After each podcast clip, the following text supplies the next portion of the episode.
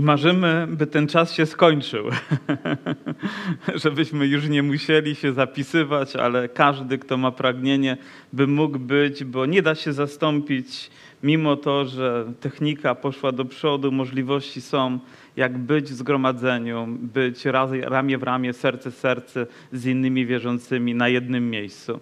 I w zasadzie tak rozpoczyna się fragment, do którego dzisiaj się odniesiemy z Księgi Dziejów Apostolskich w zasadzie, gdybyśmy mieli inaczej zatytułować Księgę Dzieł Apostolskich, bardziej z oryginalnym zapisem, to dokonanie wysłanników, czy dokonania apostołów. Tak by to brzmiało, ale chyba jeszcze piękniejszy tytuł, jaki usłyszałem odnośnie Księgi Dzieł Apostolskich, to, że jest to Ewangelia Ducha Świętego. Słyszeliście kiedyś takie określenie? Ewangelia Ducha Świętego bardzo, bardzo mi się spodobało, ponieważ rzeczywiście nie tylko żyjemy w eonie łaski, o czym jesteśmy przekonani i przez Ducha Świętego, ale żyjemy też w eonie, gdzie Duch Święty wykonuje szczególną pracę w Kościele. I drugi rozdział przypomina nam to wyjątkowe wydarzenie, które miało miejsce, gdy Kościół zebrał się, gdy 120 ludzi zebrało się razem i o tym czytamy na samym początku. I w zasadzie ten, ten dzień czy rocznicę tego zawsze obchodzimy w dniu, którym jest nazwany Dniami Zielonych Świątek. Czy ktoś z Was wie, że takie święta są? W naszej kulturze. Te święta charakteryzują się tym, że, że rozpoczynają jakby okres wiosenny i są związane z wieloma różnymi tradycjami, kultami i nawet gdzieś sięgają w stronę pogaństwa. I mam wrażenie, że wszystkie te rzeczy są jakby tylko po to, żeby, żeby nie wiem, zakryć nasze oczy, żeby mm, pozbawić nas możliwości wczytania się w to słowo, żeby odebrać z tego słowa to piękno przesłania, które w nim się kryje i którego Kościół dzisiaj tak bardzo potrzebuje. Więc nie będę mówił o tradycji, nie będę mówił o kulturze, będę mówił mówił o Bożym Słowie, co mam nadzieję będzie zbudowaniem i zachętą dla nas wszystkich. Słyszałem kiedyś pewnego pastora, który po prostu był bardzo szczery i powiedział w ten sposób: Tak, otrzymałem Ducha Świętego, ale wciąż go potrzebuję, ponieważ przeciekam. I myślę, że wielu z nas słyszało o Duchu Świętym, Wierzę, że wielu z nas doświadczyło działania Ducha Świętego, ale my jako Kościół wciąż potrzebujemy, aby On działał w naszym sercu i w naszym życiu. Nie potrzebujemy tylko historii o Nim, ale potrzebujemy Jego obecności w naszym życiu, Jego realności.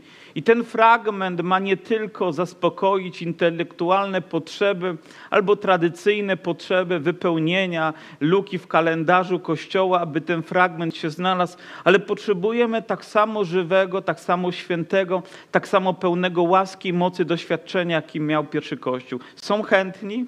Mam nadzieję, że każdy z nas stoi dzisiaj z otwartym sercem, bo wielu z nas może powiedzieć tak jak ten kaznodzieja, tak, ale przeciekam, tak, ale mam jakieś problemy, mam trudności i potrzebuję aktualizacji, potrzebuję wciąż wielkiej mocy Bożej w, naszym, w, na, w swoim życiu.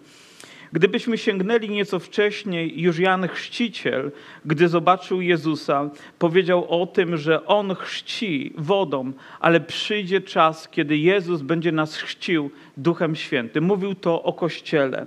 Ale fragment, który też jakoś zapadł mi w serce, to fragment z Ewangelii Łukasza, gdzie Łukasz pisze o to tak. Albowiem każdy ogniem będzie osolony. Co za dziwne stwierdzenie. Każdy ogniem będzie osolony, a później mówi też, mówi też o tym, że albowiem e, kto by. Przepraszam, e, chyba sobie inny fragment czytałem, ale mówi tak, że, że jeżeli my nie będziemy solą ziemi, to nie będziemy wykonywać misji, do której zostaliśmy powołani. Albo jeżeli sól zwietrzeje, to w pewnym momencie stanie się bezużyteczna. I myślę, że Kościół, który jest pozbawiony soli ognia, który jest pozbawiony mocy ducha, Kościół, który nie przeżywa każdego dnia i każdej niedzieli i każdego nabożeństwa aktualizacji Ducha Świętego w swoim życiu, nie wypełnia misji, do której został stworzony, do której został powołany. Proszę, przeczytajmy Czytajmy te fragmenty z dziejów apostolskich i mam nadzieję, że one będą na nowo dla nas odkryciem i zachętą. A gdy nadszedł dzień Zielonych Świąt, byli wszyscy razem na jednym miejscu. I powstał nagle z nieba szum, jakby wiejącego gwałtownego wiatru i napełnił cały dom, gdzie siedzieli i ukazały się im języki jakby z ognia, które się rozdzieliły i usiadły na każdym z nich. I napełnieni zostali wszyscy Duchem Świętym i zaczęli mówić innymi językami, jak im Duch poddawał. A przybywali w Jerozolimie Żydzi, mężowie nabożni, spośród wszystkich ludów, jakie są pod niebem. Gdy więc powstał ten szum, zgromadził się tłum i zatrwożył się, bo każdy słyszał ich mówiących w swoim języku. I zdumiewali się i dziwili, mówiąc, czyż, czyż to wszyscy ci, którzy mówią, nie są Galilejczykami? Jakże więc to jest, że słyszymy każdy z nas swój własny język, w którym urodziliśmy się, Portowie i Medowie i Elamici i mieszkańcy Mezopotamii, Judei, Kapadocji, Pontu i Azji, Frygii, Pamfilii, Egiptu i części Libii, położonej obok Cyreny i przychodnie rzymscy. Zarówno Żydzi, jak i prozelici, Kreteńczycy i Arabowie, słyszymy ich, jak w naszych językach głoszą wielkie wielkie Boże dzieła. Zdumieli się wszyscy i będąc w niepewności mówili jeden do drugiego. Cóż to może znaczyć? Inni zaś drwiąc mówili, młodym winem się upili. Za każdym razem, gdy czytam ten fragment i uzmysławiam sobie, co wydarzyło się tam w tej górnej izbie, jak my to nazywamy, ponieważ rzeczywiście byli zebrani gdzieś na piętrze, jak jako kościół, jako ludzie, którzy się wtedy zgromadzali, uzmysławiam sobie dramaturgię, przebieg tego wydarzenia i próbuję odnaleźć takie wydarzenia w moim życiu i w sercu moim i w życiu Kościoła. I też widzę różnicę, która dokonuje się pomiędzy naszymi działaniami czy naszymi przeżyciami, a te, które zostały zaprezentowane przez Boże, przez Boże Słowo. I gdzieś w głębi mojego serca rodzi się tęsknota, by w tak sam pełen sposób przeżywać to, co przeżywali pierwsi uczniowie, to, co przeżywał Kościół, który w tym momencie rodził się w mocy Ducha Świętego do misji, która została złożona. Proszę zwróćcie uwagę też na to, to, że w tym momencie, zanim Duch Święty stąpił, Kościół żył, czy ci ludzie wierzący żyli w pewnym okresie pomiędzy w niebo wstąpieniem Jezusa, a przed zesłaniem Ducha Świętego. Nie był to długi czas, bo wiemy, że Pan Jezus przez 40 dni ukazywał im się, a to jest 50 dzień, jak my to liczymy po Paschę, po, też po tym wielkim wydarzeniu, a więc ten okres jest dość krótki, ale mimo wszystko, nawet gdy to jest jeden dzień, gdy to są dwa dni, gdy to są trzy dni, to wydaje się, że są wiecznością, jeżeli nie mamy tej pewności, że z nami, że w nas jest Duch Święty. Każdy dzień życia Kościoła bez Ducha Świętego może być dniem straconym, dniem pustym i również ogromnie niebezpiecznym dla nas. Smutne może być również to, że obrazem takiego stanu jest wiele kościołów, które żyją do dnia dzisiejszego, które funkcjonują, które znają Pana, wiedzą, że On umarł, wiedzą, że On zmartwychwstał, wierzą w to całym sercem.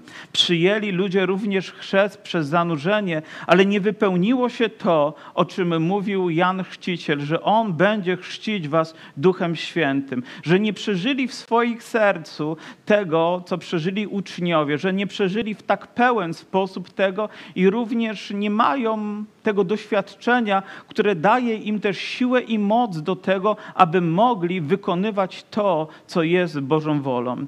Niedawno czytałem pewną książkę kaznodziei, który był człowiekiem głęboko wierzącym. Wywodził się z nurtu kościoła metodystycznego, a więc przebudzeniowego, gdzieś, gdzie wiele lat temu ogień płonął, kościoły były zakładane i wielu ludzi przeżywało naprawdę bardzo mocno Bożą obecność, ale jak to jest w historii, historii pewne rzeczy stają się coraz mniejsze, mniejsze, mniej znaczące, aż w końcu stygną, aż w końcu stają się monumentalne, stają się pewnymi pomnikami. I on również tego doświadczał w swoim życiu. I kiedy nawet narodził się na nowo, i kiedy poszedł za Jezusem w swojej wierze, to wciąż czegoś brakowało. I nawet mówił kazania, i nawet kazania przynosiły jakiś owoc i rezultat, to wciąż czegoś brakowało w jego życiu. Była jakaś pustka, której nic nie mogło wypełnić. Aż spotkał pewnego człowieka, o którym wiedział i przed którym go ostrzegano. Mówią, on mówi językami. Jakby chcieli powiedzieć, nie wiem, uważaj na niego, bo jest niebezpieczny.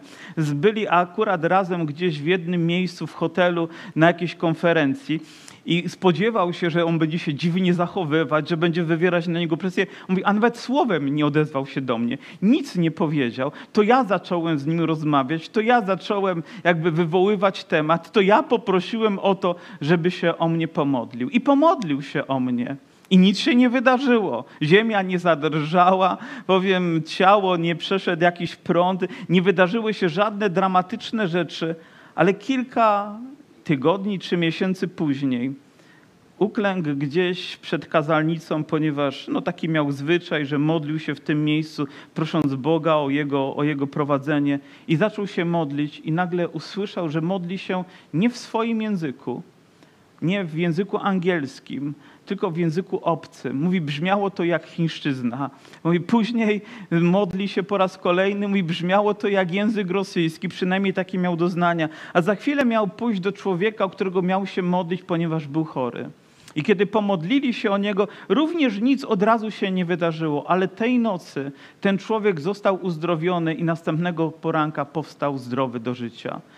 Zobaczcie, jak ogromną różnicę potrafi uczynić Duch Święty w naszym życiu, jak my desperacko jako Kościół go potrzebujemy. Rzeczy mogą iść nawet dobrze, rzeczy mogą iść poprawnie, rzeczy będą kontynuowane, ale jeżeli nie ma tego świętego doświadczenia, jakie, jakie on oni doznali, to rzeczy wciąż będą w tym samym miejscu za dzień, za dwa, za tydzień, za miesiąc, za rok. Jakby nie rozwinie się to, do czego my jako Kościół zostaliśmy powołani, bo stoimy po prostu nieprzeobleczeni mocą z wysokości.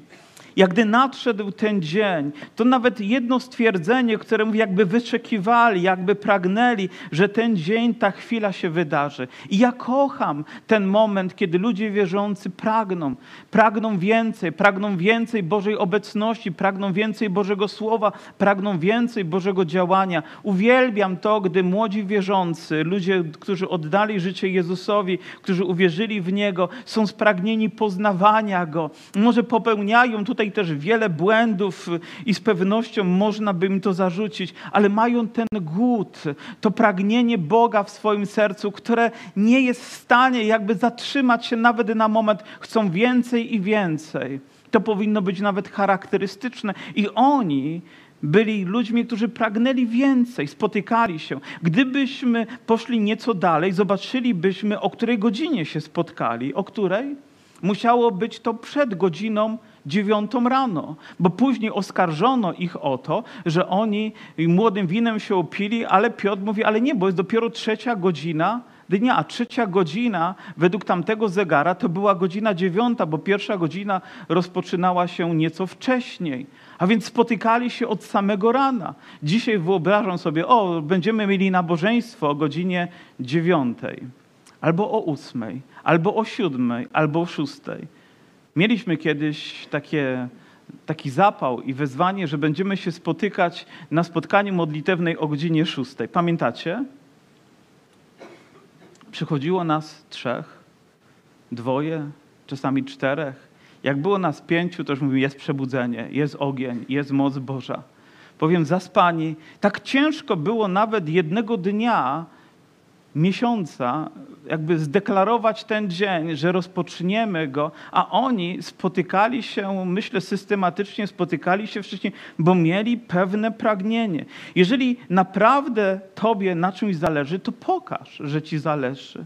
Niech to wyraża Twoja postawa, Twoje usta, Twoje serce, Twoje zachowanie, niech wyraża Słyszałem też pewnego kaznodzieję, który był tak bardzo spragniony też więcej Boga w swoim życiu, że mówił, że wyszedłby na każde wezwanie, które jest. Mówi, nawet gdyby było wezwanie dla kobiet w ciąży i to dla murzynek, to i tak by wyszedł do modlitwy.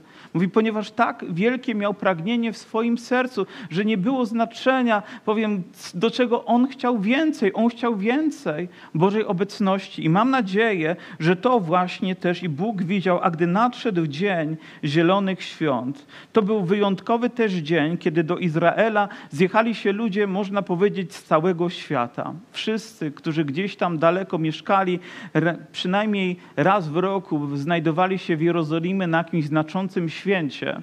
Mogła to być Pascha, mogło to być święto namiotów, albo właśnie ten dzień Zielonych Świąt, ten dzień Pięćdziesiątnicy, 50 dni po, pas, po święcie Paschy, również oni się zbierali i cały tłum wypełnił, a więc że było to znaczące święto, że to było ważne święto dla Izraela. Ale Bóg też jakby użył tego czasu po to, żeby to, co wydarzyło się w ich życiu, mogło być obwieszczone i od razu jakby użyte dla tych ludzi, którzy tam zostali zebrani. A więc widzimy też, że Duch Święty czyni coś w sposób bardzo celowy. Widzi pragnienia, ale widzi też cel, widzi oczekiwanie.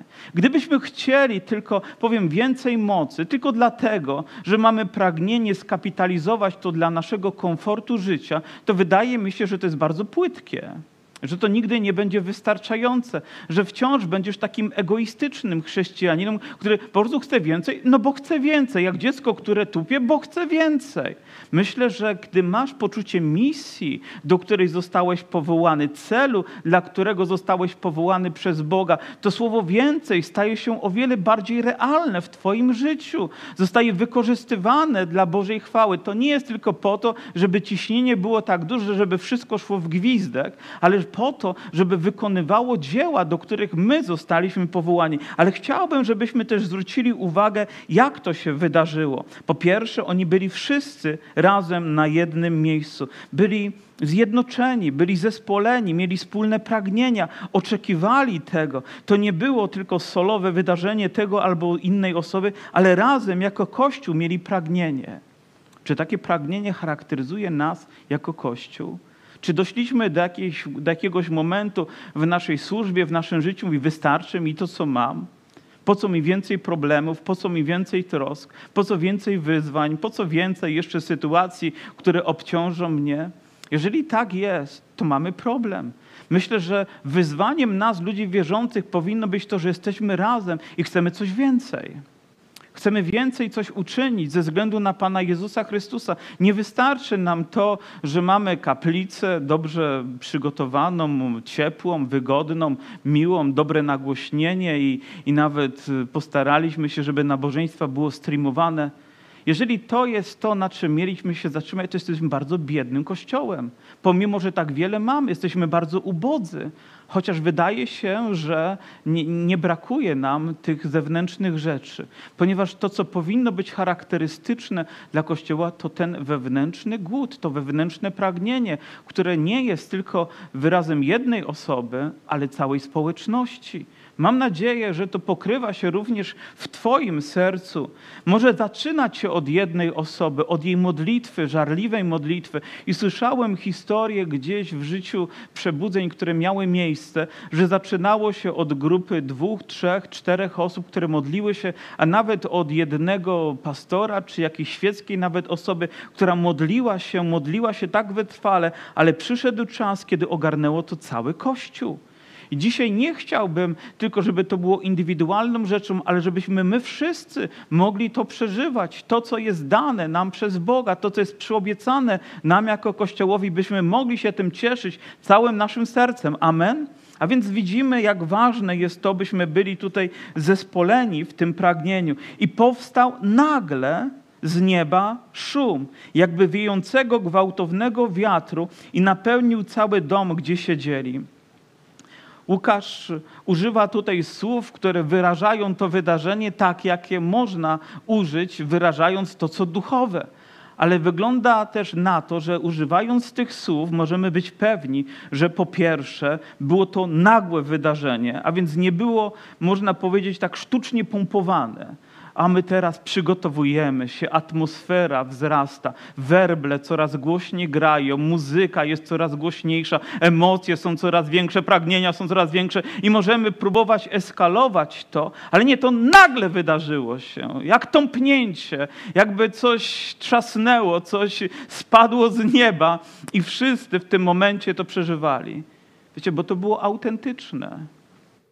Ja nie jestem za tym, żebyśmy wywoływali takie rzeczy na siłę, żebyśmy próbowali to pompować i próbować wymuszać coś na ludziach i nawet jakby przymuszać ich do tego, że oni muszą przyjąć chrzest w Duchu Świętym. Myślę, że my nie musimy, my powinniśmy tego pragnąć. I nawet do tego dochodzi, że ktoś powiedzmy nie mówi językami, a to jest jeden z tych znaków, zaraz do tego dojdziemy, no to bierzemy taką osobę, no to zacznij mówić. A ona mówi, ale nie wiem co mówić. No cokolwiek chcesz. A on mówi, no nie wiem, no ale powiedz jakieś słowo, a to wywoła kolejne. Jakby próbują w ten sposób odblokować osobę, która jest. Wiecie, boję się, że w jakimś przypadku to zadziała, ale w 99 może skrzywdzić te osoby. Dlatego, że nie będą pewni tego, że to stało się w sposób autentyczny. Wiecie, jak chciałbym, żeby to się wydarzyło, że gdy my zaczynamy się modlić, nagle łapiemy się na tym, że zaczynamy mówić w nowym języku. Nie planowaliśmy tego, nie wymyśliliśmy sobie tego w głowie, nie zrobiliśmy żadnej projekcji, a po prostu to się stało. Aleluja! I wtedy wiemy, że to, co przyszło, nie było ze mnie, ale było z Ducha Świętego, było czymś nagłym, było czymś znaczącym. I tak właśnie postrzegam działanie Ducha Świętego i w pierwszym kościele, i również w tym wydarzeniu. Czy to charakteryzuje również Twoje przeżycie? Ktoś z Was może powiedzieć tak, albo może powiedzieć, ale nigdy się tak nie stało. Może jeszcze nigdy nie byłaś tak pragnąca. Może wciąż żyjesz pomiędzy, pomiędzy w niebo wstąpieniem Jezusa i wstąpieniem Ducha Świętego. Twoje serce jest wierzące, ale Twoje serce jest w potrzebie i Twoje serce, jeżeli jest puste, to staje się też w wielkim niebezpieczeństwie. Dlaczego? Bo jeden demon wychodzi, ale kilku kolegów zaprasza i wraca wtedy z większą siłą. I problemy takiego kościoła, takich ludzi mogą być większe niż sobie wyobrażamy. Tylko świętość Boga może powstrzymać tą inwazję piekła, po to, żebyśmy my mogli być pewni. A więc powstał szum. Zobaczcie, że to, co się dzieje, jest y, słyszalne jakby szum nagle. Jest doświadczalne. Ludzie odczuwali, no gdy wiatr wieje, to rozumiem, że on porusza, porusza, nie wiem, włosy na mojej głowie, muska moją twarz. My tutaj mamy wentylację, która działa. Mam nadzieję, że teraz też działa i czasami osoby usługujące mówią, że za mocno działa, za mocno wieje. Myślę sobie, szkoda, że wentylacja za mocno wieje, nie? Wolelibyśmy, żeby coś innego mocniej wiało i dotykało naszych serc i to byłoby takie aleluja. I wtedy na pewno nie dalibyśmy wyciągu, prawda? Żeby, ale tak naprawdę on powinien być, bo to powinno iść dalej. A więc to było słyszalne to było odczuwalne, to było coś, co można było zobaczyć również, bo Słowo Boże mówi, że i ukazały im się języki jakby z ognia, które się rozdzieliły i usiadły na każdym z nich. A więc każdy, kto tam był, miał charakterystyczny znak, taki płomień, który płonął gdzieś na nim. Nie wiem, jak to wyglądało fizycznie, ale musiało płonąć i nie mogli tego zobaczyć sami w sobie, tylko mogli zobaczyć u innej osoby. O, moja żona płonie, o, mój mąż płonie, o, mój brat płonie, o, i ten nawet płonie, aleluja. Wiecie, możemy to zobaczyć, patrząc też jedni na drugich, dostrzegając to Boże poruszenie, to Boże działanie. I myślę, że w taki sposób oni zauważyli również to Boże poruszenie, które miało miejsce tam, tego dnia w kościele. O, dostrzegam to, jak mój brat uwielbia Boga, jak moja siostra oddaje Mu chwałę, jak Duch Święty porusza się w zgromadzeniu.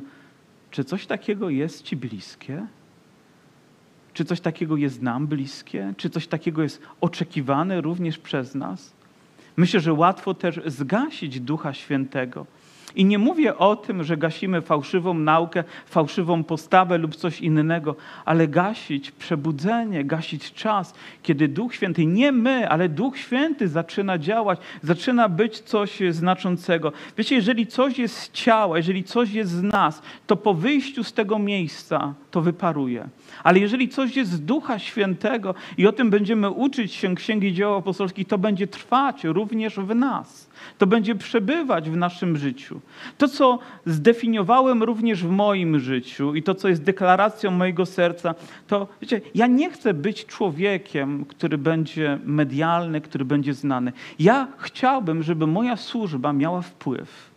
Chciałbym, żeby miała wpływ na czyjeś życie. Nie wiem na jak wiele osób, ale na czyjeś życie, na czyjeś serce, żeby Ewangelia, którą zwiastuje, słowo, które zwiastuje, było na tyle zachętą, by serce się otworzyło, by Duch Święty cię napełnił, by twoje życie się przemieniło, by miało to jakąś wartość, która będzie trwać w twoim życiu, która będzie przynosić owoc w twoim życiu, która będzie błogosławieństwo. I myślę, że to, co również Pan uczynił w życiu pierwszego Kościoła, nie było tylko taką pokazówką, do której my powracamy, jak stary film oglądamy jeszcze raz i jeszcze raz i jeszcze raz i jeszcze raz i może się nawet wzruszymy, albo się uśmiechniemy i mówi, jakie to było piękne, cudowne i może nawet płyta już trochę jest zniszczona i obraz w związku z tym jest zamazany. Powracamy, ale ja chcę, żeby to było czymś osobistym, czymś autentycznym czymś, co możemy przeżywać również i dzisiaj, na tym miejscu, kiedy wiemy, że On jest obecny, kiedy oczekujemy Jego działania, Jego pełni, Jego mocy w naszym życiu. I zgadzamy się na to, żeby był szum, żeby był powiew, żeby przyszły języki. Znałem też chrześcijan, którzy powiedzieli: Panie, chcę Ducha Świętego, ale nie języków. I autentycznie bali się, że Duch Święty przyjdzie i da im języki. Ja nie znam dobrego ojca, który by chciał dać złe rzeczy swoim dzieciom. I myślę, że Duch, Duch Święty przychodzi, On chce dać nam to, co jest najlepsze, prawda? Więcej nawet niż dobry Ojciec Ziemski, Duch Święty chce udzielić nam tego, co z nieba, abyśmy potrafili się tym cieszyć. I napełnieni zostali wszyscy Duchem Świętym i zaczęli mówić innymi językami, jak im Duch poddawał. Proszę, zwróćcie również uwagę na, tą, na ten przekaz, który mówi, jak im Duch poddawał. Duch Święty nie mówił za nich Duch Święty, nie wiem czy to jest właściwe określenie, mówił z nimi. Duch Święty poddawał im słowa, ale to oni musieli te słowa wypowiedzieć. Tak, nie stali się automatami, które jak szafa grająca grali w tym momencie, tylko Duch Święty wkładał coś w ich serca, a oni zaczęli to wyrażać, wyrażać, wyrażać. Nie zamknęli swoich ust i powiedzieli: Nie powiem ani słowa. I znam pewną wierzącą osobę, która modliła się o to, by Duch Święty wypełnił ją, miała gorące, pragnące serce, bardzo szczere serce. I pewnego dnia, mówi, gdy się modliła, przy swoim łóżku uklękła i pobożnie się modliła, ale widać, ta modlitwa była gorąca, zaczęły przychodzić słowa i mówi, wystraszyłam się. Wstała i chciała po prostu, żeby to zniknęło, bo wystraszyła się tego, co zaczęło dziać się w jej sercu. I myślę, że ta obawa może być, ponieważ nie zawsze rozumiemy to, w jaki sposób Duch Święty działa, ale Boże Słowo powinno nas uwalniać, że to, co On czyni, nie przekroczy jakiejś bariery, która stanie się dla nas, nie wiem, niebezpieczna. I uważam, że rzeczą straszną jest, gdy wielu ludzi próbuje sprowadzić mówienie darami języków, tymi darami glossolaris, do tego, że to jest z diabła i słyszeliście takie określenie. Jest to krzywdzące, jest to raniące. Oczywiście, że w wielu kościołach być może jest to nadużywane, być może jest to trochę sztuczne, ale nawet mimo to, jeżeli oni popełniają błędy, to nie znaczy, że Duch Święty się myli, że Duch Święty przestał wykonywać swoją pracę, albo my powinniśmy się zamknąć w związku z tym na działanie Ducha Świętego. Nie, wciąż powinniśmy go pragnąć z takim samym szczerym sercem, oczekującym sercem. Mieliśmy wieczerze. Dobrze, mieliśmy czas, kiedy sięgaliśmy po chleb i sięgaliśmy po wino. Pamiętacie jeszcze? Ale widzimy zbór w Koryncie, który nadużywał tej możliwości spotykania się i łamania chleba i, i picia z kielicha pańskiego. I jakie były efekty? Że jeden był głodny, a drugi był? Co za święty zbór. Czy w związku z tym mieli przestać uczestniczyć w wieczerzy pańskiej, ponieważ mieli jakieś przykre, złe doświadczenia? I coś wam powiem. Ja bym chciał, żeby teraz nawet stream wyłączyli ale mam nadzieję, że mnie właściwie zrozumiecie i nie nadużyjecie tego. Ja wolałbym mieć zbór, który jest głodny i pijany, ale pełen Ducha Świętego, niż zbór, który ma wszystko poukładane, ale jest pusty. Wolałbym zbór, który ma problemy życia związane z duchem, niż kościół, który ma problemy związane z ciałem to rzeczywiście może nastręczać problemy. I za chwileczkę widzimy, że i uczniowie musieli się z tym zmierzyć, ponieważ oto zostali oskarżeni o co? O to, że są pijani o to, że, że teraz bełkoczą gdzieś tam coś, a tak naprawdę wcześniej mamy ten przekaz, że oni w tym momencie zaczęli wypowiadać wielkie Boże dzieła, że ludzie, którzy przybyli na to święto z różnych stron świata, posługujący się różnymi językami, które były ich takimi ojczystymi językami, powiem, wychowywali się od dziecka w tym języku i nagle słyszą, jak w oni w sposób płynny, czysty, piękny może nawet, wypowiadają te wszystkie Boże dzieła i są zdziwieni. Przecież oni są Galilejczykami. Jakby to słowo miało zdefiniować ich, że oni są taką grupą ludzi, która nie wiem, jak, jak, jaki region naszego kraju można byłoby uznać jako Polskę B i C i może jeszcze dalej, to myślę, że takie właśnie określenie było odnośnie Galilejczyków, jakby byli pogardzani. To oni jeszcze, przecież to są ludzie niewykształceni. Oni nie mają wyższych, wyższych studiów ukończonych, oni nie mają tytułów przed swoim nazwiskiem. I oni takie rzeczy, to nie oni to Duch Święty. I kiedy zobaczymy nawet prostego człowieka, który nie ma doktoratu z teologii, ale pełnego Ducha Świętego, a później weźmiecie człowieka, który całe, całe życie studiował teologię, ale nie ma Ducha Świętego, to powiedzcie, którego byście chcieli, by zwiastował wam Ewangelię? Który by przyszedł do was i powiedział wam o Jezusie, o Jego łasce, o Jego miłości, którego byście wybrali? Myślę, że wybralibyśmy tego, który jest pełen Ducha Świętego, prawda? Bo nawet gdy wypowie trzy, cztery, pięć słów, to one będą miały dla nas znaczenie. One dotkną naszego serca. Może to być jedno zdanie, ale ono zapoczątkuje lawinę innych rzeczy. Może do niektórych rzeczy będziemy musieli dojść sami, ale to Duch Święty rozpocznie to dzieło. Ale słyszymy nieraz ludzi, którzy wypowiadają się ładnie, poprawnie, którzy mówią długimi zdaniami, nafaszerowanymi, niezrozumiałymi dla nas słowami, używają tego wszystkiego, ale nic nie wnosi to w życie Kościoła, nic nie wnosi to w życie parafii, jakiegoś zboru. Po prostu ludzie, jacy weszli, takimi też wychodzą, ale inaczej było tego dnia. Oni usłyszeli te Boże dzieła i później Piotr stanął pełen Ducha Świętego. Zobaczcie, jaką różnicę Duch Święty już wykonał w jego życiu. Oto człowiek, który zapierał się Pana Jezusa ile razy? 3, który również zamknął się gdzieś po zmartwychwstaniu, to nie tylko to jedno wydarzenie, ale stanął, gdzieś zamknął się, ponieważ nawet nie wierzył, że Jezus zmartwychwstał. A później, nawet gdy Pan z nim rozmawia, to musi go pytać trzy razy: Miłujesz mnie, miłujesz mnie. Ale teraz z taką odwagą staje i zaczyna głosić tym ludziom Boże Słowo, ale o tym chyba w następnym odcinku. Albo może zrobimy tak, że, że przedłużymy to nabożeństwo na kolejne nabożeństwo i będziemy kontynuować, bo lekcja jest ciekawa, prawda, że tak? Myślę, że jest ważna dla nas. Ale dzisiaj chciałbym zakończyć też pytaniem: oczekujesz? Pragniesz? Tęsknisz? Przeciekasz? Jeżeli tak, to mam dobrą wiadomość. Pięćdziesiątnica wciąż jest aktualizowana.